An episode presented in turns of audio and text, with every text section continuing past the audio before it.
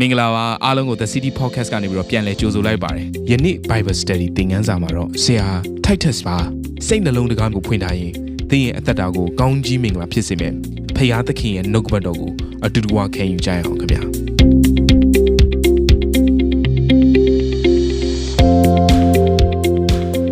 နေမိသားစုများနဲ့အတူတန်ရှင်သောဝိညာဉ်တော်ဖခင်အကြောင်းကိုနှုတ်ကပတ်တော်တွေကဖော်ပြထားတဲ့အကြောင်းအရာတွေနဲ့ကျွန်တော်တို့ကလေ့လာကြမှာဖြစ်ပါတယ်။တန်ရှင်သောဝိညာဉ်တော်လို့ပြောလိုက်ရင်ကျွန်တော်တို့ ယုံကြည်သူတွေရဲ့တက်တာထဲမှာဖြည့်ရှင်းပွင့်အတွက်ခက်ခဲတဲ့ပု္ပ္ပာဖြစ်နေမြင်တတ်တယ်။တချို့သောသူတွေကကြောက်စရာကြီးတချို့သောသူတွေကဟာတာလွဲမားတဲ့အယူဝါဒတစ်ခုလို့တွေးထင်တတ်ကြတယ်။တကယ်တော့လေတန်ရှင်သောဝိညာဉ်တော်ဖခင်ကယုံကြည်သူတူတယောက်ချင်းစီတိုင်းအတွက်မရှိမဖြစ်လိုအပ်ဆုံးသောပုဂ္ဂိုလ်ဖြစ်တယ်။အင်မတန်ကိုအဖိုးထိုက်တန်သောသူဖြစ်တယ်ဆိုတာကို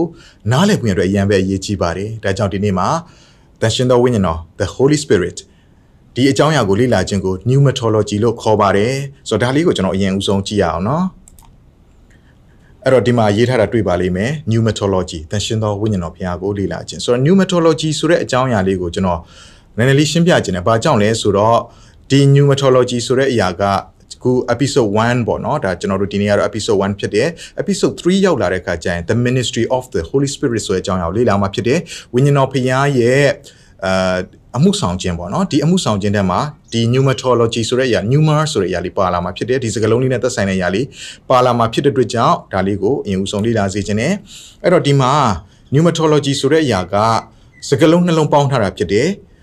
pneumato ဆိုတဲ့အရာနဲ့ logy ဆိုတဲ့အရာနဲ့ဖြစ်ပါတယ် pneumato ဆိုတဲ့အရာက pneuma ဆိုတဲ့စကားလုံးကနေလာပါတယ်အင်္ဂလိပ်လိုဆိုရင်တော့ wind လေ spirit ဝိညာဉ် breath အသက်လေဆိုတော့ဒီလိုမျိုးအာ အင်္ဂလိပ်စာကဖော်ပြတယ်ဒါပေမဲ့သူ့ရဲ့ pneuma ရဲ့တကယ်ကိုမူရင်းစကားလုံးလေးလာကြည့်တဲ့အခါမှာ a life giving spirit အသက်ကိုပေးသောဝိညာဉ်လို့အဓိပ္ပာယ်ရပါတယ် logy ကတော့ logos ပေါ့နော် Greek လို့ logos လို့ခေါ်တယ် teaching about study about ပေါ့လေ့လာတဲ့သင်ကြားတဲ့အကြောင်းအရာပေါ့ဆိုတော့ pneumatology လို့ပြောမယ်ဆိုရင်အာအသက်ကိုပေးသောဝိညာဉ်တော်အကြောင်းကိုလေ့လာခြင်းဆိုတဲ့အဓိပ္ပာယ်ရပါတယ် ဒီຢာလေးကနာကျွန်တော်တို့ episode 3ကြာရင်အရေးပါလာမှာဖြစ်ကြောင်းဒါလေးကိုအရင်ဦးဆုံးရှင်းပြတာဖြစ်ပါတယ် pneuma ဒါလေးကိုမှတ်ထားစေချင်ပါတယ် wind spirit breath a life giving spirit နော်အသက်ကိုပေးသောဝိညာဉ်ဆိုတာလေးကိုမှတ်ထားစီလိုပါတယ်ဟုတ်ပြီကျွန်တော်တို့အဲ့တော့ pneumatology ဆိုတဲ့အရာမှာကျွန်တော်အပိုင်း6ပိုင်းခွဲပြီးတော့မှလေ့လာဝင်ရတော့ပြင်ဆင်ထားပါတယ်ဒီနေ့မှာတော့လေ့လာမယ့်အကြောင်းအရာကတော့ the precious one အဖို့ထိုက်တန်သောသူ episode 2ရောက်လာရင်တော့ဒါအင်္ဂါနေ့မှာဖြစ်ပါမယ် the personality of the holy spirit ဒီအကြောင်းအရာတွေအရန်ကိုအရေးပါပါတယ် ဟာတကယ်ကောင်းကြီးဖြစ်စေတဲ့အကြောင်းအရာလေးဖြစ်ပါတယ်ကျွန်တော်တို့ကတခါတရံမှာယုံကြည်သူတွေကနော်တန်ရှင်သောဝိညာဉ်တော်ဘုရားကိုတကိုးသက်သက်စွမ်းအားသက်သက်တစုံတစ်ခုတက်ရောက်မှုတက်တက်တချို့ကလည်းဒါ movement ကြီးပေါ့နော်လှုပ်ရှားမှုတက်တက်လို့ထင်တယ်ဒါပေမဲ့ဝိညာဉ်တော်ဘုရားကပုံကိုဖြစ်တယ်ဆိုတဲ့အကြောင်းအရာကိုအသေးစိတ်လေးလာမှဖြစ်တယ်ဒါကကျွန်တော်တို့အတွက် immediate ကိုကောင်းကြီးဖြစ်စေမယ်သင်ခန်းစာလည်းဖြစ်ပါတယ် episode 3မှာတော့ the ministry of the holy spirit ဝိညာဉ်တော်ဘုရားရဲ့အမှုဆောင်ခြင်းဒါကိုကျွန်တော်တို့မတူညီတဲ့အပိုင်း၃ပိုင်းခွဲပြီးတော့မှနော်ဒီ episode 3ထဲမှာတပြိုင်တည်းလေးလာတော့မှဖြစ်တယ်ကောင်းကြီးဖြစ်မယ်လို့ကျွန်တော်ယုံကြည်တယ် now episode 4ကတော့ holy spirit baptism တန်ရှင်တော်ဝိညာဉ်တော်ရဲ့ baptism မင်္ဂလာပေါ့နော်ဆိုတော့ကျွန်တော်တို့ကယေနှစ်ချင်းမင်္ဂလာတော့သိကြတယ်ဒါပေမဲ့ဝိညာဉ်တော်ရဲ့နှစ်ချင်းဝိညာဉ်တော်ဗတ္တိဆန်လို့ပြောလာပြီဆိုရင်တော့ဟာဒါပါလေလို့ရှုပ်ထွေးစရာကျွန်တော်တို့မရှင်းလင်းစရာတွေရှိပါလိမ့်မယ်အဲ့ဒီနေ့မှာတော့အာဒီ episode 4ရောက်လာရင်တော့ဒီအကြောင်းအရာလေးလာရမယ်ပြီးရင်တော့ episode 5နဲ့6ကတော့ the gifts နဲ့ the fruits of the holy spirit ပေါ့နော်ဆိုတော့ဝိညာဉ်စုကျေးဇူး9မျိုးရှိတယ်ဝိညာဉ်အသီး9မျိုးရှိတယ်ဒီဟာတွေရဲ့ နော်ဖျားခင်ကျွန်တော်ရဲ့အသက်တာမှာဒီစုကျေးဇူးတွေဒီအသီးအီတွေနဲ့ကျွန်တော်တို့ကိုဘာပြုတ်ပေးနေလဲဆိုတဲ့အရာကိုအထူးလေ့လာသွားမယ့်အရာဖြစ်ပါတယ်အဲ့တော့ဒီနေ့မှာတော့ the precious one ဆိုတဲ့ခေါင်းစဉ်လေးနဲ့လေ့လာသွားမယ်အဲ့တော့အရင်ဦးဆုံးဒီကျမ်းပိုက်လေးကိုကျွန်တော်ဖတ်ချင်ပါတယ်အတူကဖတ်ရအောင်နှစ်ကောအခန်းကြီး73အငယ်14သခင်ယေရှုခရစ်၏ဂျေဇုတော်၎င်းဖျားခင်၏မြတ်တာတော်၎င်းတန်ရှင်သောဝိညာဉ်တော်၏မိတ္တာဟာရတော်၎င်းသင်တို့အပေါင်း၌ရှိစေတည်းအာမင် ဆိုတော့ဒီနှုတ်ခွက်တော်လေးကလေကျွန်တော်တို့အတွက်အင်မတန်နော်ယင်းဒီကျောင်းဝင်နေတဲ့နှုတ်ခွက်တော်ဖြစ်တယ်ကျွန်တော်ဘယ်နေရာတွေမှာယင်းဒီကျောင်းဝင်နေကြလဲကျွန်တော်တို့နော်အစည်းအဝေးတွေလုပ်တဲ့ခါမှာနောက်ပြီးတော့မှနော်ကျွန်တော်ဝိပုစည်းဝေးတွေလုပ်တဲ့ခါမှာအဆုံးသက်မှာတင်းဥဆရာကြီးကထားပြီးတော့မှလက်ကိုချီပြီးတော့မှခမည်းတော်ဖခင်ကြီးမြတ်တာတော်ဒါတော်ယေရှုခရစ်တော်ဖခင်ကြီးယေရှုတော်နဲ့ တန်ရှင်းသောဝိညာဉ်တော်ဖခင်၏မိတ္တာအဖွဲ့ချင်းသည်ယနေ့ကြွရောက်လာကြသောညီကိုမောင်တို့အကြီးဆုံးမှအငယ်ဆုံးတိုင်အောင်ကာလဆင်မြဲတက်ရောက်တည်ရှိတည်နေပါစေသောအာမင်ဆိုတော့ကျွန်တော်ကောင်းချီးပေးအဆုံးသတ်တဲ့ရအောင်အားလုံးကကြားဘူးနေကြဖြစ်ပါလိမ့်မယ်ဒီဒီဒီအာနှုတ်ကပတ်တော်လေးကကျွန်တော်တို့အတွက်အင်မတန်ကိုယဉ်ဤတော်ညာလည်းပဲလစ်လျူရှုခံရဆုံးလဲဖြစ်ပြန်တယ်ဆိုတော့ဒီထဲမှာဘာပါနေလဲဆိုရင်ခမည်းယေရှုခရစ်တော်ဖခင်ရဲ့ဂျေဇုတော်ဒီဟာကိုကျွန်တော်တို့ကယဉ်နေကြတယ်ဟုတ်တယ်နော်ယေရှုခရစ်တော်ဖခင်ရဲ့ဂျေဇုတော် ဒီယေရှုခရစ်တော်ဖခင်ရဲ့ဂျေဇုတော်လို့ကျွန်တော်တို့စဉ်းစားလိုက်မယ်ဆိုရင်ကျွန်တော်သိကြတယ်သက်သေပြလို့ရတယ်သိကြတယ်ခရစ်တော်ဖခင်ကကျွန်တော်တို့အတွက်လဝကထဲမှာအသေးခံတယ်အသွေးသွန်းတယ်သုံးရမြောက်တဲ့နေ့မှာရှင်ပြန်ထားမြောက်တယ်ဆိုတော့ဒီအမှုရာပြုခြင်းအပြင်ကျွန်တော်တို့ကယ်တင်ပေးခဲ့တယ်ဆိုတဲ့သက်သေကိုလဝကတိုင်းတော့လဝကတိုင်းတော့ဆိုတဲ့သက်သေကိုကျွန်တော်တို့ကမြင်တွေ့ရတယ်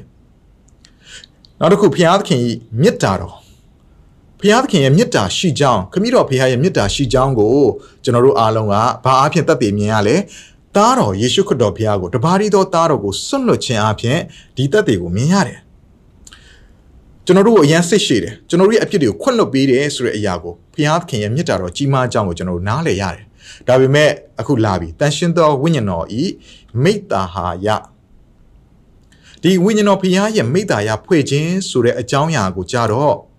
ကျွန်တော်တို့ဒါလေးတော်တော်လေးစဉ်းစားစရာအကြောင်းဖြစ်လာတယ် ယေရှုခရစ်တော်ဘုရားရဲ့ကျေးဇူးတော်ကိုသင်ကိုမေးမယ်ဆိုရင်သင်ကောင်းမွန်စွာဖြေနိုင်လိမ့်မယ်ခမည်းတော်ဘုရားရဲ့မြစ်တာတော်ကဘာလဲလို့ပြောမယ်ဆိုရင်သင်အနေနဲ့ပြောပြစရာတားတော်ယေရှုခရစ်တော်ဘုရားဆွန့်လွတ်ခြင်းတတ်တည်ကရှိနေပြန်တယ်။ဒါပေမဲ့ဝိညာဉ်တော်ဘုရားရဲ့မိတ္တာပွဲခြင်းကဘာများလဲလို့မေးလာခဲ့မယ်ဆိုရင်ဖြည့်ရှင်းဖို့ရန်အတွက်ပြောပြဖို့ရန်အတွက်ခက်ခဲစရာအကြောင်းရှိလိမ့်မယ်။ဒါပေမဲ့ဒီနေ့မှာဝိညာဉ်တော်ဘုရားကိုတာ၍တည်ကျွမ်းခြင်းအပြင်သူ့ရဲ့အကြောင်းကိုလေ့လာခြင်းအပြင်ကျွန်တော်ကတော့လေ ဒီနှုတ်ခွက်တော်ကိုပြင်ဆင်ထားတာကကျွန်တော်အရင်ပဲစိတ်လို့ရှာတယ်။ဘာကြောင့်လဲဆိုဝိညာဉ်တော်ဘုရားအဖြစ်ကျွန်တော်ရဲ့အသက်တာမှာထူးခြားပြောင်းလဲမှုတွေမြောက်များစွာဖြစ်ခဲ့တယ်။နော်ကျွန်တော်တို့ရဲ့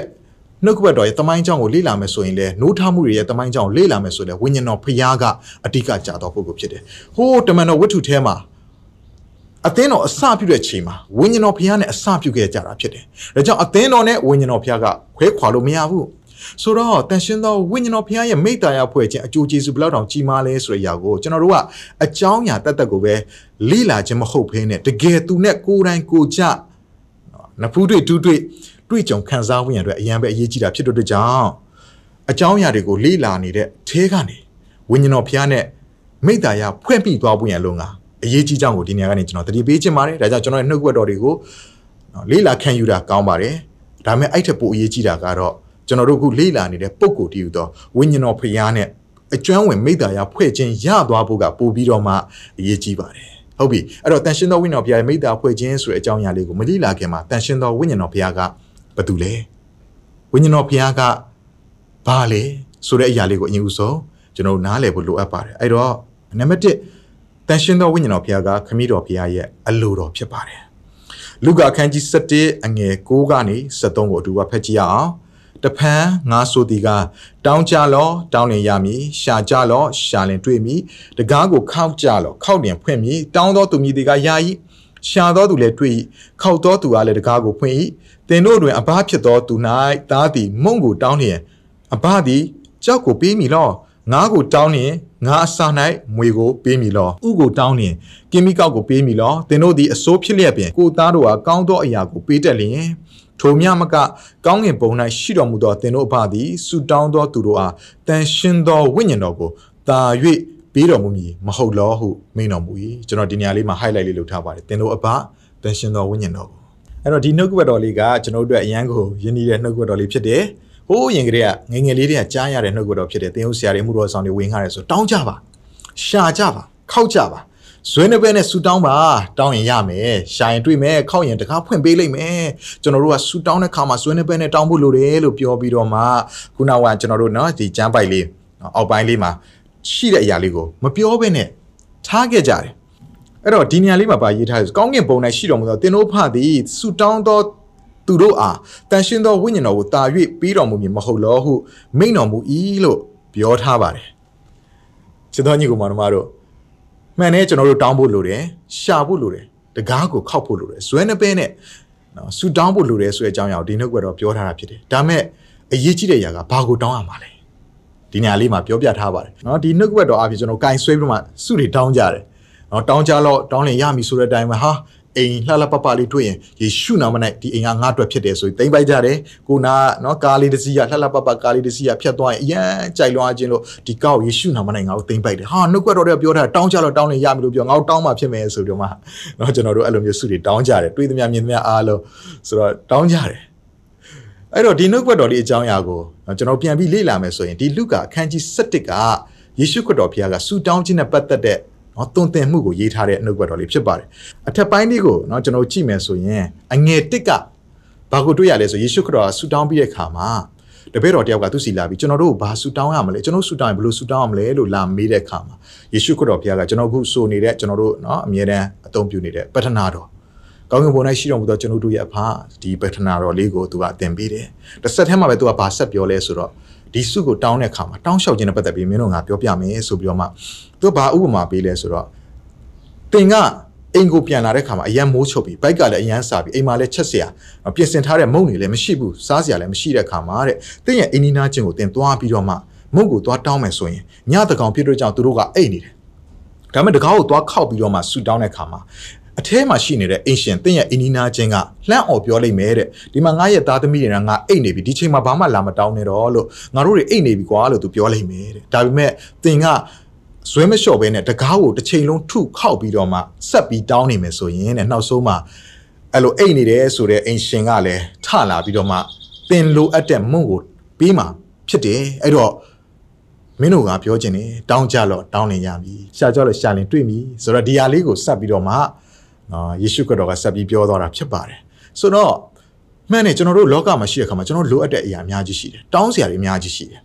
တောင်းဖို့ကောင်းတဲ့အရာတွေလည်းအများကြီးရှိတယ်ဒါပေမဲ့ဒီနှုတ်ခွက်တော်အရကျွန်တော်တို့ကြည့်တဲ့ခါမှာဖခင်ကဘာကိုတောင်းစေခြင်းလဲဆိုရင်တင်တို့ကတဲ့ကိုယ့်ရဲ့သားသမီးကမုတ်ကိုလာတောင်းတယ်ဆိုရင်ကြောက်ကိုပေးမှလားတဲ့ငါးကိုတောင်းရင်ငါးစားမွေကိုပေးမှလားဥကိုတောင်းရင်ကင်းမိကောက်ကိုပေးမလားတဲ့ အရန်ကိုစိုးညစ်တဲ့မင်းတို့တွေကပင်လျင်ကိုယ့်ရဲ့သားသမီးကိုအကောင်းဆုံးသောအရာတွေကိုပေးတတ်တယ်ဆိုရင်တဲ့ကောင်းကင်ဘုံ၌ရှိတော်မူသောတင်တို့အဖကဆူတောင်းသောသူတို့ကတန်ရှင်သောဝိညာဉ်တော်ကိုတာ၍ပေးခြင်းတယ်ဆိုတဲ့သဘောတရားပါလေလောကမှာရှိတဲ့အရာတွေကမကောင်းဘူးလားကောင်းတာပေါ့မလိုအပ်ဘူးလားလိုအပ်တာပေါ့တင်းဆူတောင်းချက်ကိုဘုရားခင်သိပါတယ်တင်းရဲ့လိုအပ်ချက်ကိုဘုရားခင်သိပါတယ်ဒီကောင်းတဲ့အရာကိုဘုရားကပေးခြင်းပါတယ်ဒါပေမဲ့အဲ့ဒီအကောင်းတွေထဲမှာ အကောင်းဆုံးသောအရာကိုဘုရားကတာ၍ပေးခြင်းတယ်အဲ့ဒီအကောင်းဆုံးသောအရာကဘာလဲတန်ရှင်သောဝိညာဉ်တော်ဘုရားဖြစ်တယ်ဆိုတာဒီနှုတ်ဘက်တော်အဖြစ်တွေ့ရတယ်။ချက်တော်ညီကောင်မောင်တို့သင်ကောင်းတဲ့ຢာတွေနဲ့ကြည်နေနေဖို့မဟုတ်ဘဲနဲ့အကောင်းဆုံးသောဘုရားခင်ပေးတဲ့တန်ရှင်သောဝိညာဉ်တော်ဘုရားကိုသင်ရပြီးပြီလား။အဲ့ဒီဝိညာဉ်တော်ဘုရားကိုရသွားဖို့ကျွန်တော်တို့အရင်ပဲအရေးကြီးတာဖြစ်ပါတယ်။တောင်းလျှောက်သမျှထဲမှာကျွန်တော်တို့တောင်းလျှောက်ဖို့ရတဲ့အလိုအဆုံးကအကောင်းဆုံးသောခမည်းတော်ဘုရားပေးခြင်းနဲ့ တန်ရှင်သောဝိညာဉ်တော်ဘုရားကိုကျွန်တော်တို့ဆုတောင်းဖို့ဖြစ်ပါတယ်။ဒါကြောင့်ဒီနှုတ်ကပတ်တော်တဲ့နှုတ်ကပတ်တော်တွေကလောကမှာရှိတဲ့အရာတွေကိုတောင်းလျှောက်ဖို့ပြောတာထက်ဝိညာဉ်တော်ဘုရားကိုဘယ်လိုတောင်းရမလဲဇွဲမလျှော့ဘဲနဲ့ဝိညာဉ်တော်ဘုရားကိုမရမချင်းဘယ်လိုတောင်းရမလဲဆိုတဲ့အရာကိုသွန်သင်ပေးခြင်းနဲ့နှုတ်ကပတ်တော်လေးဖြစ်ပါတယ်ချစ်တော်ညီမောင်တို့အဲ့တော့ခမည်းတော်ဘုရားစီကနေပြီးတော့မှအလိုတော်ရှိတဲ့ပေးခြင်းနဲ့ဝိညာဉ်တော်ဘုရားကိုဒီနေ့သင်ရဲ့အသက်တာထဲမှာကြိုးဆိုတက်ဖို့ရန်အတွက်အရန်ရည်ကြီးပါတယ်နောက်ထပ်ကျမ်းပိုက်လေးတစ်ခုကိုကျွန်တော်တို့ကဖတ်ရအောင် ယောဟန်ခန်းကြီး15အငယ်26မှာခမည်းတော်ထံမှထွက်လာ၍တမန်တရားနှင့်ပြည့်စုံသောဝိညာဉ်တော်တည်ဟူသောခမည်းတော်ထံမှတင်တို့စီတို့ငါစေလွတ်လက်တန့်သောဥပ္ပစ္စဆရာသည်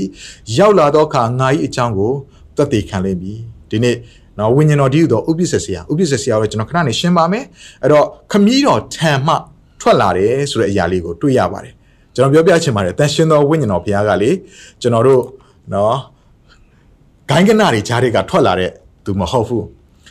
doctrine တွေဩဝါဒတွေအများကြီးထွက်လာတဲ့ထဲကနေဝိညာဉ်တော်ဘုရားကပေါ်ထွက်လာတာမဟုတ်အာအသင်းတော်ဂျိုးအသင်းတော်ဂျားတွေကနေထွက်လာတဲ့ဝိညာဉ်တော်ဘုရားမဟုတ်ဝိညာဉ်တော်ဘုရားထွက်လာတဲ့အရာကဘေးကနေထွက်လာတယ်အကောင်းဆုံးကိုပြုပြင်စီရင်တဲ့ခမည်းတော်ဘုရားထံကနေလာတဲ့ဘုရားဖြစ်ပါတယ်ဒါကြောင့်သင်အတွက်အကောင်းဆုံးကိုပေးခြင်းနဲ့ခမည်းတော်ဘုရားဆေလွတ်လိုက်တဲ့အတွက်ကြောင့်ဝိညာဉ်တော်ဘုရားကိုသင်ရတဲ့အခါမှာသင်အတွက်အကောင်းဆုံးတွေပဲဖြစ်လာလိမ့်မယ်သင်ရဲ့အသက်တာထူးခြားပြောင်းလဲမှုတွေ လှပခြင်းတွေဖြစ်လာလိမ့်မယ်ကျတော်ကြီးကမောင်မတို့ဒီနေ့ခမည်းတော်ဖရားထံတော်ကထွက်လာတဲ့တန်ရှင်တော်ဝိညာဉ်တော်ဖရားခမည်းတော်ဖရားအလိုတော်မရှိဘဲနဲ့ဘာမှဖြစ်မလာဘူးခမည်းတော်အလိုတော်မရှိဘဲနဲ့လေဝိညာဉ်တော်ဖရားထွက်လာလို့မရဝိခမည်းတော်ဖရားကလိုလိုလားလားတင့်အတွက်ပေးခြင်းလို့နဲ့ဆန္ဒရှိတဲ့အတွက်ကြောင့်အလိုတော်ရှိတဲ့အတွက်ကြောင့်ဝိညာဉ်တော်ဖရားကိုဒီနေ့သင်ရနိုင်တာဖြစ်ပါတယ်ဆိုတော့ခမည်းတော်ဖရားရဲ့အလိုဆန္ဒဖြစ်တယ်လို့နောက်တစ်ချက်ကျွန်တော်တို့ကြည့်ရအောင်ဝိညာဉ်တော်ဖရားက သားတော်ယေရှုခရစ်တော်ဘုရားရဲ့အလိုဆန္ဒလည်းဖြစ်ပြန်တယ်ရှင်ယောဟန်ခရစ်ဝင်အခန်းကြီး7အငယ်20နဲ့23မှာငါတို့သည်တလုံးတဝါတည်းဖြစ်တဲ့ကဲ့သို့အကျွန်ုပ်သည်သူတို့၌ရှိ၍ကိုတော်သည်လည်းအကျွန်ုပ်၌ရှိတော်မူသောအဖြစ်သူတို့သည်တလုံးတဝါတည်းဖြစ်၍တလုံးတဝါတည်း၌စုံလင်စေခြင်းက၎င်းကိုတော်သည်ကျွန်ုပ်ကိုဆစ်လွတ်တော်မူကြောင်းနှင့်အကျွန်ုပ်ကိုချစ်တော်မူတဲ့ကဲ့သို့သူတို့ကိုလည်းချစ်တော်မူကြောင်းကိုလောကီသားတို့သည်သိစေခြင်းက၎င်းကိုတော်သည်အကျွန်ုပ်အားပြီးတော်မူသောဘုန်းတွေကိုကျွန်ုပ်သည်သူတို့အားပေးပါပြီ ဆိုတော့ဒီငါတို့သည်ဆိုတဲ့စကားလုံးကယေရှုခရစ်တော်ဘုရားကတမန်တော်တွေတပည့်တော်တွေနဲ့အတူရှိနေတဲ့အချိန်ဖြစ်ပါတယ်။သို့တော်လည်းတမန်တော်တပည့်တော်တွေနဲ့အတူပေါင်းပြီးငါတို့လို့သူကဆိုလိုချင်တာမဟုတ်ဘဲနဲ့ငါတို့ဒီလို့သူအထူးပြုလိုက်တဲ့အရာသူပြောလိုက်တဲ့အရာကဘာလဲဆိုရင်ခမည်းတော်ဝိညာဉ်တော်ဘုရားနဲ့သူသုံးပါတစ်လုံးတဝါတည်းဖြစ်တော်မူသောကောင်းငင်မှာရှိနေတဲ့မိသားစုကိုဖော်ဆောင်ခြင်းဖြစ်တယ်။အဲ့တော့ငါတို့ကတဲ့ခမည်းတော်သားတော်တန်ရှင်းသောဝိညာဉ်တော်ဘုရားကတစ်လုံးတဝါတည်းဖြစ်တယ်လို့ပဲတဲ့။အဲ့တော့ကိုတော်ကအကျွန်ုပ်နဲ့ရှိတော်မူသောအဖြစ်သူတို့ကလည်း တစ်လုံးတဝါတည်းဖြစ်၍တလုံးတဝါတဲ့၌စုံလင်စေခြင်းဒီစကားလုံးနှလုံးကိုကျွန်တော်ဒီနေ့မှာအထူးဖော်ပြချင်တာဖြစ်ပါတယ်ချစ်တော်ညီကောင်မတို့ယေရှုခရစ်တော်ဘုရားဒီလောကလာခြင်းရဲ့ရည်ရွယ်ချက်အကြောင်းအရာနှစ်ခုရှိတယ်တစ်ခုကတလုံးတဝါတဲ့ဖြစ်စေဖို့နောက်တစ်ခုကတော့ဒီနှုတ်ဘက်တော်ရာတလုံးတဝါတဲ့၌စုံလင်လာစေဖို့ဒါဆိုရင်တလုံးတဝါတဲ့ဖြစ်ခြင်းနဲ့တလုံးတဝါတဲ့၌စုံလင်ခြင်းဆိုတဲ့အရာမတူဘူးဆိုတာနားလေရတယ် တလုံးတော်ဝါတဲ့ဖြစ်ချင်းရှိမှသာလင်တလုံးတော်ဝါတဲ့နိုင်စုံလင်ခြင်းဆိုတဲ့အရက်ကိုအခြေအနေကိုတလန်းနိုင်မှာဖြစ်တယ်အဲ့တော့ယေရှုခရစ်တော်ဘုရားကတလုံးတော်ဝါတဲ့ဖြစ်စေဖို့ရန်လုံကသူဘာတွေလုပ်ခဲ့လဲတလုံးတော်ဝါတဲ့ဖြစ်ချင်းခွင့်ကိုဘာနဲ့ပေးလဲဆိုတဲ့ຢာလေးကိုကျွန်တော်တို့အရင်ဦးဆုံးလေးလေ့လာစေခြင်းနဲ့အဲ့တော့ဒီကျမ်းပိုက်လေးကိုအတူတူကဖတ်ရအောင်ရှောင်းရခရစ်ဝင်အခန်းကြီး1အငယ်7မှာထိုသူကိုလက်ခံသမျှသောသူတည်ဟုသောကိုတော်ကိုယုံကြည်သောသူတို့ဟာဘုရားသခင်သားဖြစ်ရသောအခွင့်ကိုပေးတော်မူ၏ထိုသူဆိုတာကယေရှုခရစ်တော်ကိုပြောခြင်းဖြစ်တဲ့ ယေရှုခရစ်တော်ကိုတဲ့ယုံကြည်လက်ခံသမျှသောသူတို့ကတဲ့ဖခင်သခင်ရဲ့သားဖြစ်ရသောခွင့်ဒီနေ့ယေရှုခရစ်တော်ရပြီဆိုရင်သင်သည်ဖခင်ရဲ့သားဖြစ်ရသောခွင့်ကိုရတယ်။တနည်းအားဖြင့်တလုံးတော့ရတယ်ဖြစ်သွားတယ်။ဘယ်သူအဖြစ်လဲယေရှုခရစ်တော်ကိုသင်ကကေတင်ပိုင်ရှင်ဖြစ်နေယုံကြည်လက်ခံလိုက်လို့အဲ့တော့ရှင်ဝခရစ်ခန်းချစ်တဲ့အငယ်16မှာဘာလို့ထက်ရေးထားလဲဆိုတော့ထိုသူဤပြည့်စုံခြင်းထိုသူဆိုတာယေရှုခရစ်တော်ပြောခြင်းဖြစ်တယ်။ထိုသူဤပြည့်စုံခြင်းအဖြစ်ဂျေဇုတဘာ၌ထက်ဆင်၍ဂျေဇုတဘာကိုငါတို့ရှိသမျှသည်ခံရကြပြီ။ ဒီမှာထပ်တွေ့ရပြန်တယ်နှစ်ခုဂျေဇုတစ်ပါး၌ထပ်ဆင့်၍ဂျေဇုတစ်ပါးဒါဆိုရင်အရင်ပြုတဲ့ပရမပြုတဲ့ဂျေဇုတော်နဲ့ထပ်ဆင့်ပြီးပြုတဲ့ဂျေဇုတော်တစ်ပါးရှိနေသေးတယ်ဆိုတော့နားလည်ရတယ်အရင်ပြုတဲ့ဂျေဇုတော်ဆိုပါလေယေရှုခရစ်တော်အပြင်ပြုတဲ့သားဖြစ်ရသောအခွင့်ဂျေဇုတော်ကိုဒီဂျေဇုတစ်ပါးကိုရထားပြီးမှထပ်ဆင့်ပြီးပြုတဲ့ဂျေဇုတော်တစ်ပါးဆိုတာရှိနေပြန်သေးတယ်ချက်တော်ညီကောင်မတို့အဲ့တော့ဒီဂျေဇုတစ်ပါး၌ထပ်ဆင့်၍ဂျေဇုတစ်ပါးလို့ပြောတဲ့အခါမှာ ငကိုပြုတ်ထားတဲ့ဂျေစုတစ်ပါးမရှိဘဲနဲ့ထက်ဆင့်ပြီးပြုတဲ့ဂျေစုတစ်ပါးဆိုတာမရနိုင်ဘူးထက်ဆင့်တယ်ဆိုကြတဲ့ကငကိုအခန့်တစ်ခုရှိဖို့လိုတယ်လေပြီးမှနောက်ထပ်အပေါ်ကထက်လာမဲ့ဂျေစုတော်ဆိုတာရှိတယ်အခြေခံကြတဲ့အရင်ပြုတဲ့ဂျေစုတော်မရှိဘဲနဲ့နောက်ထပ်ထက်ဆင့်ပြီးပြုတဲ့ဂျေစုတော်ကိုလက်ခံလို့မရဘူးဒါဆိုရင်ယေရှုခရစ်တော်ဘုရားကဂျေစုတစ်ပါးကိုတားဖြစ်ရခြင်းဂျေစုတစ်ပါးကိုပေးတဲ့အခါမှာနောက်ထပ်ထပ်ဆင့်ပြီးဂျေစုတစ်ပါးကြံသေးတယ် တနည်းအားဖြင့်ခုနကကျွန်တော်တို့ဖတ်သွားတဲ့ယောဟန်ခန်းကြီးစက်ခွန်အကြောင်းအရာလေးကိုကျွန်တော်တို့ပြန်ပြီးစဉ်းစားတဲ့အခါမှာတလုံးတော်ရတဲ့ဖြစ်ခြင်းဂျေဇုတော်ရဲ့အနောက်မှာထက်ဆင့်ပြီးတလုံးတော်ရတဲ့၌စုံနေခြင်းဂျေဇုတော်ဆိုတာကိုသိရပြန်တယ်နားလည်ရပြန်တယ်အဲ့တော့နောက်တဲ့ကျမ်းပိုက်လေးတစ်ခုထပ်ပြီးတော့မှကျွန်တော်တို့ကြည့်အောင်ရှင်ယောဟန်ခရစ်ဝင်ခန်းကြီး30အငယ်30မှာပခိုးသည်ခိုးခြင်းတက်ခြင်းဖြည့်ဆည်းခြင်းကသာလာတတ်၏ငါမူကတိုးတို့သည်အသက်လွတ်ယုံများမကအထူးသဖြင့်အသက်နှင့်ပြည့်စုံစေခြင်းကလာတည်းဒီနေရာမှာနှစ်ခုတွေ့ရပြန်တယ် အသက်လွတ်ယုံမြတ်မကယေရှုခရစ်တော်လာခြင်းကအသက်လွတ်ယုံမြတ်မကအထူးသဖြင့်အသက်နှင့်ပြည့်စုံစေခြင်းဒါဆိုရင်ခုနကဂျေဇုတစ်ပါး၌ထက်ဆင့်ပြီးပြုတဲ့ဂျေဇုတော်လို့ပြောတဲ့အခါမှာဘာကိုနားလည်မလဲအသက်လွတ်ခြင်းဂျေဇုတစ်ပါးဆိုတာရှိတယ်လို့အဲ့ဒီဂျေဇုတစ်ပါး၌ထက်ဆင့်နဲ့လာပြီးတော့မှထက်ဆင့်လာတဲ့ဂျေဇုတော်ကဘာလဲအသက်နှင့်ပြည့်စုံစေသောဂျေဇုတော်ဆိုတော့နားလည်ရတယ်ချစ်တော်ညီကိုမောင်နှမတို့ဒီနေ့မှာသင်ရဲ့တက်တာဓမ္မ ယေရှုခရစ်တော်ပြုပေးတဲ့ရာသည်အသက်လွတ်ခြင်းကျေးဇူးတော်ဖြစ်တယ်။အသက်နဲ့ပြည့်စုံခြင်းကျေးဇူးတော်ကိုပြုရသောအခွင့်ကိုယေရှုခရစ်တော်အပြင်ကျွန်တော်ရရှိရဖြစ်တယ်။ဟုတ်ပြီယေရှုခရစ်တော်ဘုရားကတလုံးတဝရတဲ့ဖြစ်ခြင်းကျေးဇူးတော်ခုနကအသက်လွတ်ခြင်းကျေးဇူးတော်ဒီဟာကိုပြုတဲ့အခါမှာလဝါကရင်တော်အပြင်ပြုခြင်းဖြစ်တယ်။အသေးခံတဲ့အသွေးသွင်းနဲ့ရှင်မြန်ထမြောက်ခြင်းအပြင်ဒါဆိုရင်တလုံးတဝရဲ၌စုံနေခြင်းဂျေစုနဲ့အသက်လွတ်ယုံမြတ်မကအသက်နဲ့ပြည့်စုံခြင်းဆိုတဲ့ဂျေစုတော်ကိုကြတော့သူကဘာအဖြစ်ပြုစေတယ်လဲဆိုရင်တန်ရှင်သောဝိညာဉ်တော်ဘုရားအဖြစ်ဖြစ်တယ် ရှောင်းခရစ်ဝင်အခန်းကြီး14အငယ်15 16ငါကိုချစ်လျင်ကငါပညတ်တို့ကိုစောင့်ရှောက်ကြလော့ငါသည်ခမည်းတော်ကိုတောင်း၍ခမည်းတော်သည်တမာတရားကိုပြတော်ဝိညာဉ်တော်တည်းဟူသောတပါးသောဥပ္ပစ္စဆရာကိုသင်တို့နှင့်အတူအစင်မပြတ်တည်နေစေခြင်းကသင်တို့အားပြီးတော်မူပြီခမည်းတော်သားတော်တန်ရှင်သောဝိညာဉ်တော်ဘုရားကအမှုအရာကိစ္စတစ်ခုကိုလုပ်မယ်ဆိုရင်အမြဲတမ်းအတူတူလုပ်လို့ရှိတယ်တရားတယောက်တည်းအားလုံးအပြီးသက်လုပ်တာမျိုးမဟုတ်ဘဲနဲ့ သုံးပါးစလုံးကအတူတူကအလုပ်လုပ်ကြတာဖြစ်တယ်။ဒါကြောင့်ယေရှုခရစ်တော်ဘုရားကအသက်လွတ်ခြင်းယေရှုကိုပြုတဲ့အခါမှာအသက်နဲ့ပြည့်စုံဖို့ရန်လုပ်ငါသူဒီဒီလောကမှာကျွန်တော်တို့နဲ့အတူတောက်လျှောက်ရှိနေပြီးတော့မှအသက်နဲ့ပြည့်စုံခြင်းအရွယ်ကိုရောက်လာဖို့တနည်းအားဖြင့်အသက်နဲ့ပြည့်စုံခြင်းဆိုတာရင့်ကျက်လာတဲ့အရွယ်ကိုပြောခြင်းဖြစ်တယ်။ဥမာဆိုကြပါစို့ဒီနေ့မိသားစုတစုထဲမှာကလေးတစ်ယောက်ကမွေးဖွားလာတယ်ဆိုရင်ဒီကလေးကအရွယ်ရောက်လာဖို့ရန်အတွက်ပြုစုရတယ်။ကြီးထွားလာဖို့ရန်အတွက်ပြုစုရတယ် ဒီမိသားစုပိုင်ဆိုင်ထားတဲ့ဥစ္စာပစ္စည်းဒီမိသားစုရဲ့ဆက်ပြီးခံရမယ့်အရာရာအားလုံးကို तू ကဆက်ပြီးထိမ့်သိမ်းရမှာဖြစ်တယ်ဆက်ပြီးခံယူရမှာဖြစ်တယ်အဲ့တော့ဒီအမွေခံနိုင်တဲ့အရွယ်ရောက်လာဖို့ရန်လုံကဒီကလေးကကြီးထွားလာဖို့လိုတယ်ကြီးထွားလာဖို့ရန်လုံကပြုစုပေးဖို့ရန်အတွက်လိုအပ်ပါတယ်ထိုနည်း၎င်းမှာတင်ရတတ်တာမှာယေရှုခရစ်တော်ကိုမိမိရဲ့အသက်ခင်ကယ်တင်ပိုင်ရှင်ဖြစ်ယုံကြည်လက်ခံလိုက်တဲ့အခါမှာကျွန်တော်တို့ဒီဒုတိယမွေးခြင်းကိုခံရတနည်းအားဖြင့်ကျွန်တော်တို့ရဲ့ဝိညာဉ်သက်တာကအသစ်ပြန်လဲမွေးဖွားလာတယ် အရင်တော့တည်နေတဲ့ဝိညာဉ်သက်တာဖះနဲ့ကင်းကွာနေတဲ့ဝိညာဉ်သက်တာကနေအခုပြန်လဲပြီးဖះကိုတည်ကျွမ်းခြင်းအရာမှာပြန်လဲနိုးထလာတဲ့ဝိညာဉ်ရေးရကလေးသူငယ်ဖြစ်နေတယ်အဲ့ဒီကလေးသူငယ်ကကြီးထွားလာပြီးကောင်းကင်အမွေဘုံစည်းစိမ်ကိုခံနိုင်ဖို့ရန်အရွယ်ရောက်လာဖို့တနည်းအားဖြင့်ရင့်ကျက်သောအရွယ်ရောက်လာဖို့ရန်လို့ငါပြုစုပေးမဲ့သူတယောက်လိုအပ်တယ်အဲ့ဒါကတန်ရှင်သောဝိညာဉ်တော်ဘုရားဖြစ်ပါတယ်ဒါကြောင့်သူကဒီနှုတ်ကွက်တော်လေးကိုပြောခြင်းဖြစ်တယ်နော်ခမည်းတော်ဘုရားကိုငါတောင်းမယ်တဲ့ဝိညာဉ်တော်ဘုရားကိုမင်းတို့စီကိုဆေလွတ်ဖို့တပါသောဥပ္ပစ္စဆရာ တမာတရားကိုပြတော့တပါသောဥပ္ပစ္စဆရာကိုသင်တို့နဲ့အစင်မပြတ်တည်နေစေခြင်းကတဲ့ဆိုတော့ဒီနေရာလေးမှာတပါသောဥပ္ပစ္စဆရာဆိုတဲ့အရာလေးကိုတွေ့ရတယ်တပါသောဆိုတဲ့အရာက status ကိုပြောခြင်းဖြစ်တယ်ဥပ္ပစ္စဆရာဆိုတဲ့အရာကသူ့ရဲ့ function လုပ်ငန်းတာဝန်ကိုပြောခြင်းဖြစ်တယ်တပါသောဆိုတာကသူ့ရဲ့ဂုံအစင်တန်း status ကိုပြောခြင်းဖြစ်တယ်ပိုပြီးနားလဲအောင်နော်သူ့ရဲ့မူရင်းစကားကိုလေ့လာမယ်ဆိုအင်္ဂလိပ်လိုဆိုရင်တော့တပါသောကို another one another လို့ပြောတယ်ဒါပေမဲ့ Greek လိုကြာရင်တော့ elon elos လို့ပြောတယ် another of the same kind တခြားတစ်ယောက်ပဲဒါပေမဲ့ဂုံဒရက်တူညီတယ်အမျိုးအစားတူညီတယ်ဆိုတော့ဥမာအားဖြင့်ဆိုကြပါစို့เนาะတမားတော်ဆရာဝန်ကြီးပေါ့เนาะအထူးကူကြီးပေါ့ဆိုတော့သူလည်းတမားတော်သူလည်းတမားတော်ပဲဒါပေမဲ့သူကတော့နှလုံးထူးကူသူကတော့အယိုးအထူးကူဒီလိုမျိုးပေါ့ဆိုတော့တမားတော်ချင်းအတူတူပဲဂုံဒရက်ချင်းအတူတူပဲဒီနေရာမှာတပါးတော်လို့ပြောတဲ့အခါမှာလည်းပဲလှုပ်ဆောင်ပုံချင်းမတူဘူးဒါပေမဲ့အမျိုးအစားတော့တူတယ်အစင်တန်းချင်းတူတဲ့အရာကို ဖော်ပြခြင်းဖြစ်တယ်အဲ့တော့နောက်ထပ်တစ်ခုကဘာကိုတွေ့ရလဲဆိုရင်ဥပ္ပစ္စဆရာဥပ္ပစ္စဆရာဆိုရင်တော့ English လိုကတော့ comforter လို့သုံးတယ်နှစ်သိမ့်ပေးတော်သူပေါ့တချို့နှုတ်ကပတ်တော်တွေ helper ကူညီပေးတော်သူတချို့ကလည်း advocate လို့သုံးတယ်ဆိုတော့ဒါကတော့ရှေ့နေလိုက်ပေးတော်သူပေါ့နော်ရှေ့ကနေတော့မှသူကကာကွယ်ပြောဆိုခုခံခြေပပြောဆိုပြီးတော့သူပေါ့ဒါကဥပ္ပစ္စဆရာလို့ရေးတဲ့ခါမှာဒါဆရာယူတတန်ကပါဠိစကားကိုယူခြင်းဖြစ်တယ်ပါဠိစကားမှာတော့ဒါစာချပုဂ္ဂိုလ်လို့ပြောခြင်းဖြစ်တယ်ဥမာနော်ဒါကျောင်းကိုရောက်လာတဲ့ကိုရင်လေးတွေကို အရင်ဦးဆုံးစာသင်ပေးရတဲ့စာချပုဂ္ဂိုလ်ကြီးဆိုတော့မူရင်းဆရာလက်ဦးဆရာလို့လည်းအတိပ္ပယ်ရတယ်ဆိုတော့အတန်ရှင်သောဝိညာဉ်တော်ဘုရားကကျွန်တော်တို့အတွက်လက်ဦးဆရာဖြစ်တယ်မူရင်းဆရာဖြစ်တယ်ကျေးဇူးညီကောင်မောင်တို့သင်မွေးလာတဲ့အခါမှာသင်ရဲ့မိဘကသင်ရဲ့လက်ဦးဆရာဖြစ်ပါတယ်ဘာကြောင့်လဲသူတို့နဲ့သူနဲ့သူတို့နဲ့အရင်ဦးဆုံးသင်ရထိတွေ့ရတာသူတို့ကသင်ရဲ့အရင်ဦးဆုံးလက်ဦးဆရာတွေဖြစ်ကြတယ်ဆရာရင်းတွေဖြစ်ကြတယ်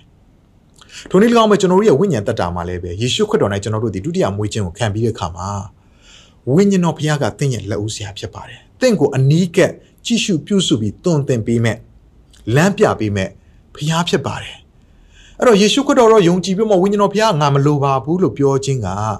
အယံအန်တယ်များတဲ့လုပ်ရဖြစ်ပါတယ်။စဉ်းစားကြည့်ပါ မိသားစုမှာကလေးလေးမွေးလာတယ်ကလေးလေးအာဒီမိဘငါမလိုပါဘူးငါ့ကိုတွင်တင်ပေးမဲ့သူမလိုပါဘူးဆိုရင်သူ့မှာဆရာသမားမရှိဘူးဆိုရင်ဘယ်လိုလုပ်မလဲသူတွေးသမျှရာအားလုံးကိုတော့ပါစက်တဲ့ထဲ့မယ်ကောင်းလားဆိုးမှန်းမသိကြောက်ခဲလဲသူပါစက်တဲ့ထဲ့တော့ခဲတယ်လဲသူပါစက်တဲ့ထဲ့တွေးသမျှအားလုံးစားစရာမှတ်ပြီးသူ့ရဲ့ပါစက်တဲ့ထဲ့နေရင်သူ့အတွက်အန်ဒီရန်ကြီးပါတယ် ဝိညာဉ်သက်တာထဲမှာလည်းပဲဒုတိယမွေးခြင်းကိုခံယူပြီးတဲ့အခါမှာယေရှုခရစ်တော်ကိုယုံကြည်ပြီးတဲ့နောက်မှာတင့်ကိုတေချာပြုစုလေ့ကျင့်ပေးမဲ့သူလိုအပ်ပါတယ်။တင့်ကိုအနီးကပ်ပြုစုပေးနိုင်တဲ့လေ့ကျင့်ပေးမဲ့သင်ကြားပေးနိုင်တဲ့သူကတန်ရှင်သောဝိညာဉ်တော်ဘုရားဖြစ်ပါတယ်။ဒါကြောင့်ခမည်းတော်ဘုရားကတင့်ကိုအယံပေးခြင်းတယ်။ဒါတော့ယေရှုခရစ်တော်ဘုရားလည်းတင့်တို့အယံအရေးကြီးမှသိလွန်းလို့ခမည်းတော်ဘုရားစီကတောင်းလျှောက်ပြီးတင့်စီကိုပေးတာဖြစ်ပါတယ်။ဒီလောက်တောင်အဖိုးထိုက်တန်တဲ့ဘုရားကိုကျွန်တော်တို့ကညင်းနေမယ်ဆိုရင်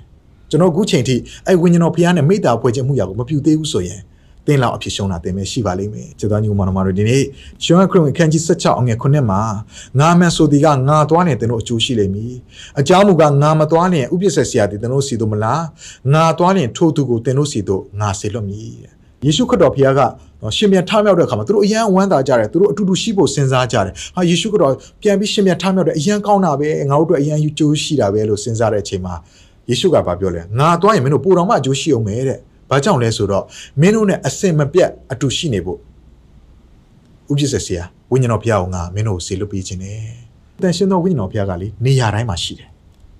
နေရာတိုင်းမှာရှိတယ် အချိန်တိုင်းမှာရှိနေတယ်အချိန်တိုင်းမှာသင်တဲ့စကားပြောနိုင်တယ်အဲ့တော့ရှင်ယောဟန်ခရစ်ဝင်ခန်းကြီး16အငယ်7နဲ့14မှာဘာထပ်ပြောလဲဆိုရင်သင်တို့အားတဲ့ငါပြောစရာစကားအများရှိတော်လဲသင်တို့သည်ယခုမခံနိုင်ကြတမန်တရားနှင့်ပြည့်စုံသောထိုဝိညာဉ်တော်သည်ရောက်လာသောအခါတမန်တရားကိုသင်တို့ဟာအကျွင့်မဲ့တွင်တင်ပြသလိမ့်မည်ထိုဝိညာဉ်တော်သည်ကိုယ်လိုလျောက်ဟောပြောသည်မဟုတ်ကြားသမျှတို့ကိုဟောပြောလိမ့်မည်နောင်လာလက်တက်သောအရာတို့ကိုလည်းသင်တို့အားဖော်ပြလိမ့်မည်ထိုသူသည်ငါဘုံကိုထင်ရှားစေလိမ့်မည်အကြောင်းမူကားငါနှင့်ဆက်ဆိုင်သောအရာကိုယူ၍သင်တို့အားဖော်ပြလိမ့်မည် ဆိုတော့ယေရှုခရစ်တော်ကပြောပါတယ်ငါမှာတဲ့ပြောစရာစကားတွေအများရှိနေတယ်တဲ့အများကြီးကြံနေသေးတယ်တဲ့ဝါယေရှုခရစ်တော်အများကြီးပြောပြခြင်းသေးတယ်နည်းနည်းတဲ့အရာတွေအများကြီးပြောပြခြင်းသေးတယ်ဖွင့်ပြခြင်းသေးတယ်သို့တော့တဲ့ဒီနေရာပါပြောလဲမင်းတို့ကအခုမခံနိုင်ကြသေးဘူးတဲ့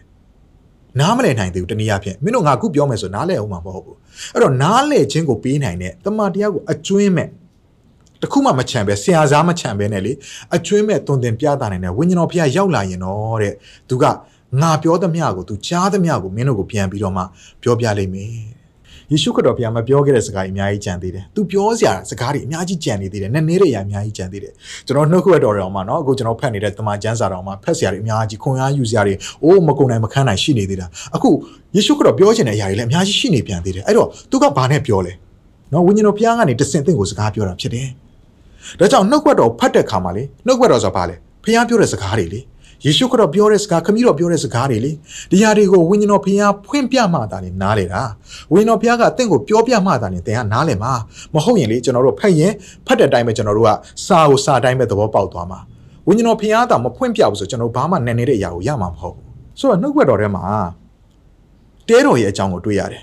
တဲတော်မှာအပိုင်း၃ပိုင်းပါဝင်တယ်ပရိသတ်စည်းဝေးရနေရာရှိတယ်ပြီးရင်တန်ရှင်းရဌာနရှိတယ်ပြီးရင်အတန်ရှင်းဆုံးသောဌာန တန်ရှင်းရဌာနနဲ့အတန်ရှင်းဆုံးသောဌာနကတော့ပိတ်တွေနဲ့အုတ်ကာထားပြီးတရေတွေနဲ့အုတ်ကာထားတဲ့အတွက်ကြောင့်အထက်မှာမှောင်နေတယ်ပရိသတ်စည်းဝေးရတဲတော်ကတော့အပြင်ဘက်မှာလက်ဟာပြင်မှာဖြစ်တဲ့အတွက်ကြောင့်အပြင်ကအလင်းရောင်ရတယ်ဒါပေမဲ့တန်ရှင်းရဌာနတဲ့ဝင်သွားမယ်ဆိုရင်အထက်မှာဘာမှမမြင်ရတော့အဲ့ဒီနေရာမှာဘာရှိလဲစင်မီခုံဆိုတာရှိတယ်ပြီးရင်ရှေ့တော်မုံဆိုတာရှိတယ်လက်ဝဲဘက်မှာစီမီကုံဝင်ဝင်ချင်းလက်ဝဲဘက်မှာစီမီကုံပြီးရင်လက်ရဘက်မှာပွဲရှေ့တော်မုံဆိုတာရှိတယ် အဲ့တော့ယေဘရဟိတ်ကအထဲကိုဝင်တာနဲ့အထဲမှာဘာအလင်းရောင်မှမရှိတဲ့အတွက်ကြောင့်စင်မီခုံမှာမီးကိုထွန်းလင်းရတယ်မီးညှိရတယ်မီးရှို့ရတယ်အဲ့တော့စင်မီခုံကအလင်းလင်းလာတဲ့ခါကျမှဘာလို့ရလဲရှေ့တော်မုံကို तू ကစားရတယ်ဥပုံနေမှာ तू ကစားရတယ်ဆိုတော့စင်မီခုံဆိုတာကတန်ရှင်တော်ဝိညာဉ်တော်ဘုရားကိုပုံဆောင်တာဖြစ်တယ်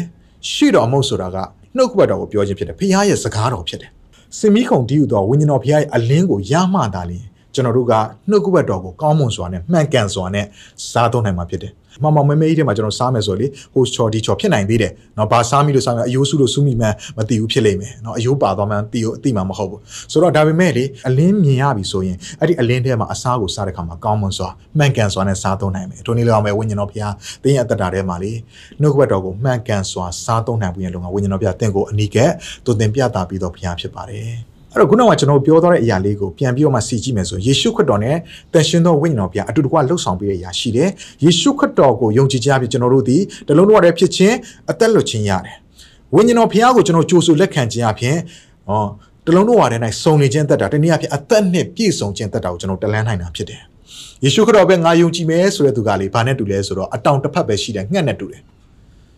ငါတို့ယေရှုခရစ်တော်ဘုရားကိုယုံကြည်ရိုးရိုးလေးပဲယုံကြည်မှာကွာဝိညာဉ်တော်ဘုရားဆိုတာဘာမှမသိရှုပ်ရှက်ခတ်နေတာပဲဝိညာဉ်တော်ဘုရားငါမလုပ်ဘူးလို့ပြောမယ်ဆိုရင်လေသင်ကသင်ရဲ့တက်တာကနော်ငှက်တောင်ပန်တစ်ဖက်တည်းရှိတဲ့ငှက်လိုမျိုးပဲနော်မုံတိုင်းကိုကြော်ဖြတ်နိုင်ဖို့မပြောနဲ့တစ်ပင်အမြင့်လောက်ရှိတဲ့နေရာတော့မှသင်တက်နိုင်မှာမဟုတ်ဘူးငှက်ကိုနော်တောင်ပန်တစ်ဖက်တည်းခတ်တဲ့ကမှာပဲဖြစ်လေတဝဲလေလေဖြစ်တယ်တဝဲလေလေဖြစ်တယ်အခုယုံကြည်သူတွေရဲ့အသက်တာထဲမှာလဲခဏခဏတဝဲလေလေဒီထဲကိုပဲပြန်ရောက်ဒုံရင်းရဒုံရင်းဖြစ်နေတာဘာကြောင့်လဲ ယေရှုကိုပဲယုံကြည်ဝိညာဉ်တော်ဘုရားကိုမကြိုမှမကြိုဆိုတာဝိညာဉ်တော်ဘုရားနဲ့မိသားဖွဲ့ခြင်းကိုလှလူရှုထားကြတယ်လေအဲ့တော့ဘာဖြစ်မလဲကျွန်တော်ရဲ့သက်တာထဲမှာအရှိန်ဟုန်နဲ့အပေါ်ကိုမပြန်နိုင်ဘူးမုံတိုင်းကြုံတဲ့အခါမှာမုံတိုင်းကိုကြော်လွှားပြီးအောင်မြင်နိုင်တဲ့အစွမ်းတည်းမရှိတော့ဘူးတောင်ပန်တစ်ဖက်ပဲရက်ခက်ရင်းနဲ့မှတဝဲလေလေဖြစ်နေတာအခုတင်းရဲ့သက်တာထဲမှာယေရှုခရစ်တော်ပြုပေးတဲ့ဂျေဇုတော်ကိုလည်းသင်ရယူမယ်ဝိညာဉ်တော်ဘုရားရဲ့ပြုပေးတဲ့ဂျေဇုတော်ကိုလည်းသင်လက်ခံကြိုးဆိုပြီးတော့မှဒီကြိုးဆိုခြင်းအပြင်တင်းရဲ့သက်တာကိုရှောင်လန်းမယ်ဆိုရင်သင်ဒီတကယ့်ကိုအတောင်နှစ်ဖက်နဲ့ ပြန်တန်းသောလင်းယုံငှက်ကဲ့သို့မုန်တိုင်းတိုင်းမုန်တိုင်းအထက်မှာပြန်တန်းနိုင်တော်သူဖြစ်လာပါလိမ့်မယ်ဟာလေလုယာဘုရားနာမသားကြီးပုံကြည်ပါစေယေရှုခရစ်တော်အနောက်ထက်ကျမ်းပိုက်လေးတစ်ခုအပြင်ပို့ပြီးအရေးကြီးတဲ့အရာလေးကိုထပ်ပြီးပြောပြန်တယ်ယောဟန်ခရစ်ဝင်အခန်းကြီး9အာရှင်ယောဟန်ခရစ်ဝင်အခန်းကြီး9အငယ်38 39မှာငါကိုယုံကြည်သောသူသည်ကျမ်းစာလာသည့်အတိုင်းအသက်ရထွက်ရာစမ်းရည်တွင်ဖြစ်လိမ့်မည်ဟုမိန့်တော်မူ၏ထို့သို့မိန့်တော်မူသော ယုံကြည်သောသူတို့သည်ခံရလက်တန်သောဝိညာဉ်တော်ကိုရည်မှတ်၍မိန့်တော်မူ၏ယေရှုသည်ဘုံပွင့်တော်မမူသေးသောကြောင့်တန်ရှင်သောဝိညာဉ်တော်ကိုပေးတော်မမူသည်အဲ့တော့ဒီနေရာမှာလဲကျွန်တော်တို့နှစ်ပိုင်းခွဲပြီးတော့ဆရာကြီးကတရားဟောကြတယ်ငါ့ကိုယုံကြည်သောသူကကျမ်းစာလိုက်တဲ့အသက်ဆန်းရည်တွင်ဖြစ်မယ်အသက်ရည်ထွက်ရာဆန်းရည်တွင်ဖြစ်မယ်ယေရှုကိုယုံကြည်သောသူကလေအသက်ရည်ထွက်ရာဆန်းရည်တွင်ဖြစ်မယ်လို့ကျွန်တော်တို့ဟောပြောရတဲ့အရာကိုကြားရတယ်ဒါပေမဲ့အဲ့အသက်ရည်ထွက်ရာဆန်းရည်တွင်ကဘာကိုပြောတာလဲဆိုတဲ့အရာလေးတော့ခြံထားခဲ့ကြပြန်တယ် အဲ့တော့ဒီနေရာမှာပါတွေ့လဲဆိုတော့နော်ခံရလက်တန်သောဝိညာဉ်တော်နော်ဒီဝိညာဉ်တော်ရှိမှစမ်းရည်တွင်ဖြစ်မှာချစ်တော်ညီကောင်မတော်ယေရှုကလေငါ့ကိုယုံကြည်ရင်စမ်းရည်တွင်ဖြစ်မယ်အသက်ရည်ထွက်ရာစမ်းရည်တွင်ဖြစ်မယ်အဲ့လိုပြောခြင်းကဘာကိုရည်ရွယ်ပြီးပြောလဲဆိုတော့မကြခင်မှာသူရှင်ပြန်ထမြောက်ပြီးနောက်မှာစေလွတ်လိုက်မဲ့ဝိညာဉ်တော်ဘုရားကိုရရင်မင်းတို့ဒီအသက်ရည်ထွက်ရာစမ်းရည်တွင်ဖြစ်မယ်လို့သူကပြောခြင်းဖြစ်တယ်စမ်းရည်တွင်ဆိုတော့ဘာကိုပြောတာလဲ ဒစိမ့်စိမ့်ဒစိမ့်စိမ့်ထွက်နေတာဘယ်တော့မှမခန်းချောက်တာရာသီဥတုတွေပြောင်းလဲမယ်နှွေးခေါင်ခေါင်ရောက်လာတယ်ဒါပေမဲ့စမ်းရည်တွင်မှာရေကအမြဲတမ်းထွက်နေတာတချို့ရည်တွင်တွေခန်းချောက်သွားလိမ့်မယ်လက်အားဖြင့်တူးတဲ့တွင်းတွေခန်းချောက်သွားလိမ့်မယ်ဒါပေမဲ့စမ်းရည်တွင်ကတော့မခန်းချောက်ပဲအမြဲတမ်းစီးဆင်းနေတဲ့သဘောကိုပြောခြင်းဖြစ်ပါတယ်အဲကျွန်တော်တို့ရဲ့ယုံကြည်သူအသက်တာထဲမှာယေရှုခရစ်တော်ကိုယပြီးတဲ့ခါမှာလည်းပဲခန်းချောက်ခြင်းနေနဲ့ဖြတ်ကျော်ရတဲ့အရာမိတ်ဆွေကြုံဘူးမှာပါ ကျွန်တော်ရဲ့တက်တာမှာလည်းကြုံခဲ့ရပါတယ်ယေရှုခရစ်တော်ရပြီဟုတ်ပြီငါကယ်တင်ခြင်းရသွားပြီဒါပေမဲ့တကယ်တမ်းလေခရိယန်တက်တာကိုဖျက်ဆီးတဲ့အခါကျတော့ဟာခက်ခဲခြင်းတွေပြဿနာတွေမုန်တိုင်းတွေလောကဓာတ်တွေကြုံရတဲ့အခါကျတော့စိတ်သက်ကြခြင်းတွေနဲ့ခန်းချောက်ခြင်းတွေကြုံရလာပြီသူများအားပေးဖို့နေနေတာဒါကိုကိုတိုင်အောင်မနေကိုအာယူရတဲ့အခြေအနေဖြစ်လာတယ်ဘာဖြစ်လဲအတွင်းထဲမှာစမ်းယူတွေမရှိဘူးခန်းချောက်နေတယ် ဘယ်ချိန်မှာဆန်းရုံရလဲတန်ရှင်သောဝိညာဉ်တော်ဘုရားနဲ့မိသားရဖွဲ့လိုက်တဲ့ခါမှာတန်ရှင်သောဝိညာဉ်တော်ဘုရားကျွန်တော်အသက်တာထဲမှာနေရာပေးလိုက်တဲ့ခါမှာလေဟာမပြတ်စီးစင်းတဲ့စမ်းရည်တွင်ဖြစ်လာတယ်ခက်ခဲတဲ့ချိန်မှာဝမ်းမြောက်နိုင်တယ်ဘေးနားမှာရန်သူတွေဝိုင်းတဲ့ချိန်မှာမေတ္တာကအထဲမှာတဖွာဖွာနဲ့ပေါ်ပေါက်လာတယ်တကယ်ကိုပူလောင်ခြင်းတွေပင်ပန်းခြင်းရောက်တဲ့ခါမှာအတွင်းထဲမှာညီသက်ခြင်းကတဖွာဖွာပေါ်ပေါက်လာတယ်စမ်းရည်တွင်ဆိုတာလေအချိန်နေမရွေးအချိန်ခါမရွေးအမြဲတမ်း ခန်းချောက်မသွားဘဲနဲ့စီးဆင်းနေတာဖြစ်တယ်။ဒါကြောင့်ယေရှုခရစ်တော်ဘုရားကတင့်ကိုအသက်ရည်ထွက်ရဆန်းရည်တွင်ဖြစ်စေခြင်းနဲ့တင့်ကိုဒစိမ့်စိမ့်နဲ့အမြဲတမ်းမပြတ်မခမ်းမချောက်တော့အသက်တာဖြစ်စေဖို့ရန်လုံကဝိညာဉ်တော်ဘုရားကိုဒီနေ့တင့်ကိုပေးနေတာဖြစ်တယ်ချစ်တော်ညီအစ်မောင်တို့ခန်းချောက်တဲ့အသက်တာနဲ့ကျွန်တော်ဖြတ်သန်းလာတဲ့အရာကိုကျွန်တော်ထားခဲ့လိုက်ရအောင်အမြဲတမ်းလန်းဆန်းတဲ့အသက်တာဒါကြောင့်ကျွန်တော်ဒီနေရာမှာဆန်းယူတွင်လေးနဲ့ပတ်သက်တဲ့အရာလေးကိုထူးခြားတဲ့အရာလေးကိုကျွန်တော်ပြောပြခြင်းနဲ့နော်။နောက်ဒါကဒီမြေပုံမှာဒါရုရှားနော်ရုရှားနိုင်ငံရဲ့မြေပုံဖြစ်တယ်။ အဲ့မှာနော်ခလဲမှာအပြာရောင်မြေကြီးတစ်ခုကိုတွေ့လိမ့်မယ်သူ့ကိုခေါ်တဲ့အရာက Volga လို့ခေါ်တယ်ကဘာမှာယူရိုမှာအကြီးမားဆုံးအရှေ့လျားဆုံးမြစ်ဖြစ်တယ်ကဘာမှာအရှေ့လျားဆုံးမြစ်ထဲမှာလည်းတစ်မြစ်ပေါင်းအနာဖြစ်တယ်သူ့ရဲ့အရှေ့ပေါင်းက3645ကီလိုမီတာရှိတယ် Volga River လို့ခေါ်တယ်သူကလေနော်အင်မတန်ရှည်တဲ့အတွက်ကြောင့်မြို့ဆယ်မြို့ကိုသူဖြတ်သွားတယ်ဒီမှာတွေ့ရလိမ့်မယ်မြေပုံပေါ်မှာနော်တွေ့ရလိမ့်မယ်အမှန်အမဲဆက်လေးတွေနဲ့လေနော်တေချာကြည့်ပါတွေ့ရပါလိမ့်မယ် ရည်ကြည့်လိုက်ရင်မြို့ဆယ်မြို့တွေ့ရလိမ့်မယ်သူကစီးစင်းလာတယ်ဒီမော်စကိုရဲ့အထက်ပိုင်းနော်မှာစီးစင်းလာပြီးတော့ဟိုးနောက်ဆုံးမှာဘယ်ကိုစီးဝင်လဲဆိုတော့ Caspian Sea ဒီ Caspian ပင်လယ်ထဲကိုစီးဝင်တာဖြစ်ပါတယ်ဒီမြစ်ကအရန်ကြီးလုံးလို့လေမြို့ဆယ်မြို့ကိုဖျက်ဆီးသွားတာဒီမြစ်အားဖြင့်လေမြို့ဆယ်မြို့ကအရန်ကိုအကျိုးကျေးဇူးဖြစ်တာစီးပွားတိုးတက်တယ်တိုရစ်စင်တွေအရန်အားကောင်းတယ်အရန်လှတဲ့မြစ်ကြီးဖြစ်တယ်ဒါပေမဲ့အဲ့လောက်ကြီးတဲ့မြစ်ကြီးရဲ့မြစ်ဖြားခံရကိုပြန်ပြီးလိုက်ကြည့်တဲ့အခါမှာဘာတွေ့ရလဲဆိုတော့ စင်စမ်းရည်လေးကိုသွားပြီးတွေ့ရတယ်။စမ်းရည်တွင်းလေးကိုသွားတွေ့ရတယ်။ဝေါဒီစမ်းရည်တွင်းလေးထဲကနေလေရေကပွားပွားပွားပွားနဲ့ရေကထွက်နေတာ။အဲ့ထွက်နေတဲ့ရေလေးကမခမ်းမချောက်ထွက်နေတာဘယ်လောက်တောင်ဖြစ်လဲ။အင်မတန်ကြီးမားတဲ့မြစ်ကြီးဖြစ်လာပြီးကဘာပေါ်မှာအကြီးမားဆုံးမြစ်ဖြစ်တယ်။အရှည်လျားဆုံးမြစ်ဖြစ်လာတယ်။မြို့ဆယ်မြို့ကိုအကျိုးပြုတဲ့မြစ်ကြီးဖြစ်လာတယ်။ဘယ်ကနေစလဲ။သေးငယ်တဲ့စမ်းရည်တွင်းလေးတွေကနေစပါတယ်။ ချစ်တော်ညီကောင်မတို့တင်းရအသက်တာကတင်းငယ်ကောင်တင်းငယ်လေးမယ်တင်းရအသက်တာမှာအားနည်းချက်တွေမြောက်များစွာရှိကောင်းရှိလိမ့်မယ်လူတွေကကြည့်ရင်အထင်ကြီးစရာမရှိတဲ့သူလို့လူတွေကတွေးပါလိမ့်မယ်ဒါပေမဲ့တင်းရအသက်တာထဲမှာလေတန်ရှင်းသောဝိညာဉ်တော်ဘုရားကိုရလိုက်ရင်တော့ဝေါတင်းကလေစိတ်စမ်းရည်ထွက်တဲ့ဝိညာဉ်ကြီးကမှဘယ်တော့မှမခန်းချောက်တဲ့အသက်ဆန်းရည်ထွက်တဲ့ဆန်းရည်တွင်ဖြစ်သွားလိမ့်မယ်အဲဒီဆန်းရည်တွင်တွေကထွက်လာတဲ့အရာကလေအင်မတန်ကြီးမားတဲ့အမြင့်ကြီးဖြစ်လာပြီးတော့မှလူမျိုးတွေ တိုင်းနိုင်ငံတွေအတွက်ကောင်းကြီးဖြစ်စေမဲ့သူဖြစ်လာမှာဖြစ်တယ်။ဘာအဖြစ်ပဲလဲ။တန်ရှင်းသောဝိညာဉ်တော်အပြင်ဖြစ်ပါတယ်။ချက်တော်ညီကောင်မတို့ဒီနေ့မှာအင်မတန်ကောင်းတဲ့ဝိညာဉ်တော်ဘုရားကို ကျိုးဆိုရအောင်ဒီသင်ခန်းစာတွေပြီးတဲ့အထိစောင့်မနေပါနဲ့เนาะကျွန်တော်သင်ခန်းစာ6ခုတည်းရှိရလေသင်ခန်းစာပြီးတဲ့အထိစောင့်နေပြီးမှဝိညာဉ်တော်ဘုရားငါစမ်းသက်ပြီးတော့မှပဲကျိုးဆိုပါမယ်လို့မစင်စားနဲ့ယခုအချိန်မှာပဲဝိညာဉ်တော်ဘုရားကိုသင်နေရာပေးကြည့်ပါဒီလောက်ကောင်းတဲ့ဝိညာဉ်တော်ဘုရားသင်ရဲ့တက်တာမှာရရင်လေသင်ဒီအံ့ဩဖွယ်ရာဂျုံနာမှာဖြစ်တယ်အဲ့တော့ကျွန်တော်တို့ဆက်ပြီးကြည့်ရအောင်ဝိညာဉ်တော်ဘုရားကဒါတော့ယေရှုခရစ်တော်ဘုရားရဲ့အမိန့်တော်ဖြစ်ပါတယ်ယေရှုခရစ်တော်ဘုရားကလေအလိုရှိအောင်သာမကဘူးသင်တို့အမိန့်ပါပေးခဲ့တာ ဖတ်ရအောင်တမန်တော်ဝိတ္ထုအခန်းကြီး1အငယ်၄ရာနေငါထိုတမန်တော်တို့ကိုစုဝေးစေတော်မူပြီလျင်ယေရုယေရုရှလင်မြို့မှမထွက်မသွားဘဲခမည်းတော်ဤဂတိတော်ကိုငဲ့နေမိအကြောင်းမှားတော်မူ၍ထိုဂတိတော်ကိုငါဟောပြောသဖြင့်သင်တို့သည်ကြားသိရကြပြီဂတိတော်အချက်ဟုမူကားယောဟန်သည်ရေ၌ပဋိဆန်ကိုပေး၏သင်တို့သည်မကြမမြင့်မီတန်ရှင်းသောဝိညာဉ်တော်၌ပဋိဆန်ကိုခံရကြလိမ့်မည်ဟုမိန့်တော်မူ၏ ဒီနေရာမှာတန်ရှင်းသောဝိညာဉ်တော်၌ပဋိဆန်ဒီအကြောင်းအရာကိုကျွန်တော် episode 4မှာကျွန်တော်လေ့လာမှာဖြစ်တယ်အဲ့တော့ဒီနေရာမှာဗာရေးထားလဲဆိုရင်မထွက်မသွားဘဲနဲ့ခမည်းတော်ဤဂတိတော်ကိုနော်ဂတိတော်ဆိုတဲ့အကြောင်းကျွန်တော်ဆက်ပြီးရှင်းပါမယ်ငတ်နေမိအကြောင်းနဲ့မှားတော်မူ၍မှားတယ်ဆိုတဲ့စကားကိုကျွန်တော်တို့ကစဉ်းစားတဲ့အခါမှာဥပမာကျွန်တော်ကတယောက်ကတငယ်ချင်းတယောက်ကအိမ်ကတယောက်ကအပြင်ထွက်သွားမယ်ထွက်တဲ့အခါမှာဟေးမင်းပြန်လာရင်လေငါတို့အာမုံလေးတစ်ခုလောက်ဝေလာခဲ့ပေးပါဦးဒီမုံလေးငါစားကြတယ်လို့ မှားလိုက်တာမျိုးဟေးမင်းဈေးသွားရင်လေငါတို့တံမြာသီးလေးဝယ်ခဲ့ပေးပါဦးလမ်းကြုံမှားလိုက်တာမျိုးဒါကိုဆိုလိုတာမဟုတ်ဘူးမှားတော်မူရေးဆိုတာကိုဆိုလိုတာမဟုတ်ကျွန်တော်လိုချင်တဲ့ရောက်လှမ်းမှာလိုက်တာမဟုတ်ဒီနေရာမှာပြောတဲ့နော်မှားတော်မူရေးဆိုတဲ့အရာကသူ့ရဲ့မူရင်းစကားကိုနော်ကျွန်တော်လေ့လာတဲ့အခါမှာ Greek လို့ progenin လို့သုံးလုံးတယ်ဒီဟာကကျမ်းစာထဲမှာခုနှစ်ကြိမ်ကျွန်တော်တို့တွေ့ရတယ် English English လို့မှာတော့ command အမိန်ပေးတာဖြစ်တယ် instruct ဒါမှားကြတာဖြစ်တယ် မိန့်မှားတာလှုပ်ဆောင်ပေးရတဲ့မှားကြတဲ့အရာယေရှုခရစ်တော်ဘုရားကလေတင့်ကိုအမိန်ပေးနေတာဝိညာဉ်တော်ဘုရားကိုလက်ခံဖို့ရန်လို့ကအမိန်ပေးနေ။ဘာကြောင့်လဲအရန်ကောင်းလို့အဖို့ထိုက်တန်တော်သူဖြစ်လို့ the precious one ဝိညာဉ်တော်ဘုရားကအဖို့ထိုက်တန်တော်သူဖြစ်လို့တင့်ကိုရသွားရင်တော့တင်သည်။အိုးတင့်ရဲ့တက်တာမှာကောင်းကြီးဖြစ်မယ်ဆိုတော့သိလို့ယူပါနော်စောင့်နေပါနော်လက်ခံပါနော်လို့အတင်းချက်ကိုမှားတာဖြစ်ပါတယ်။ Now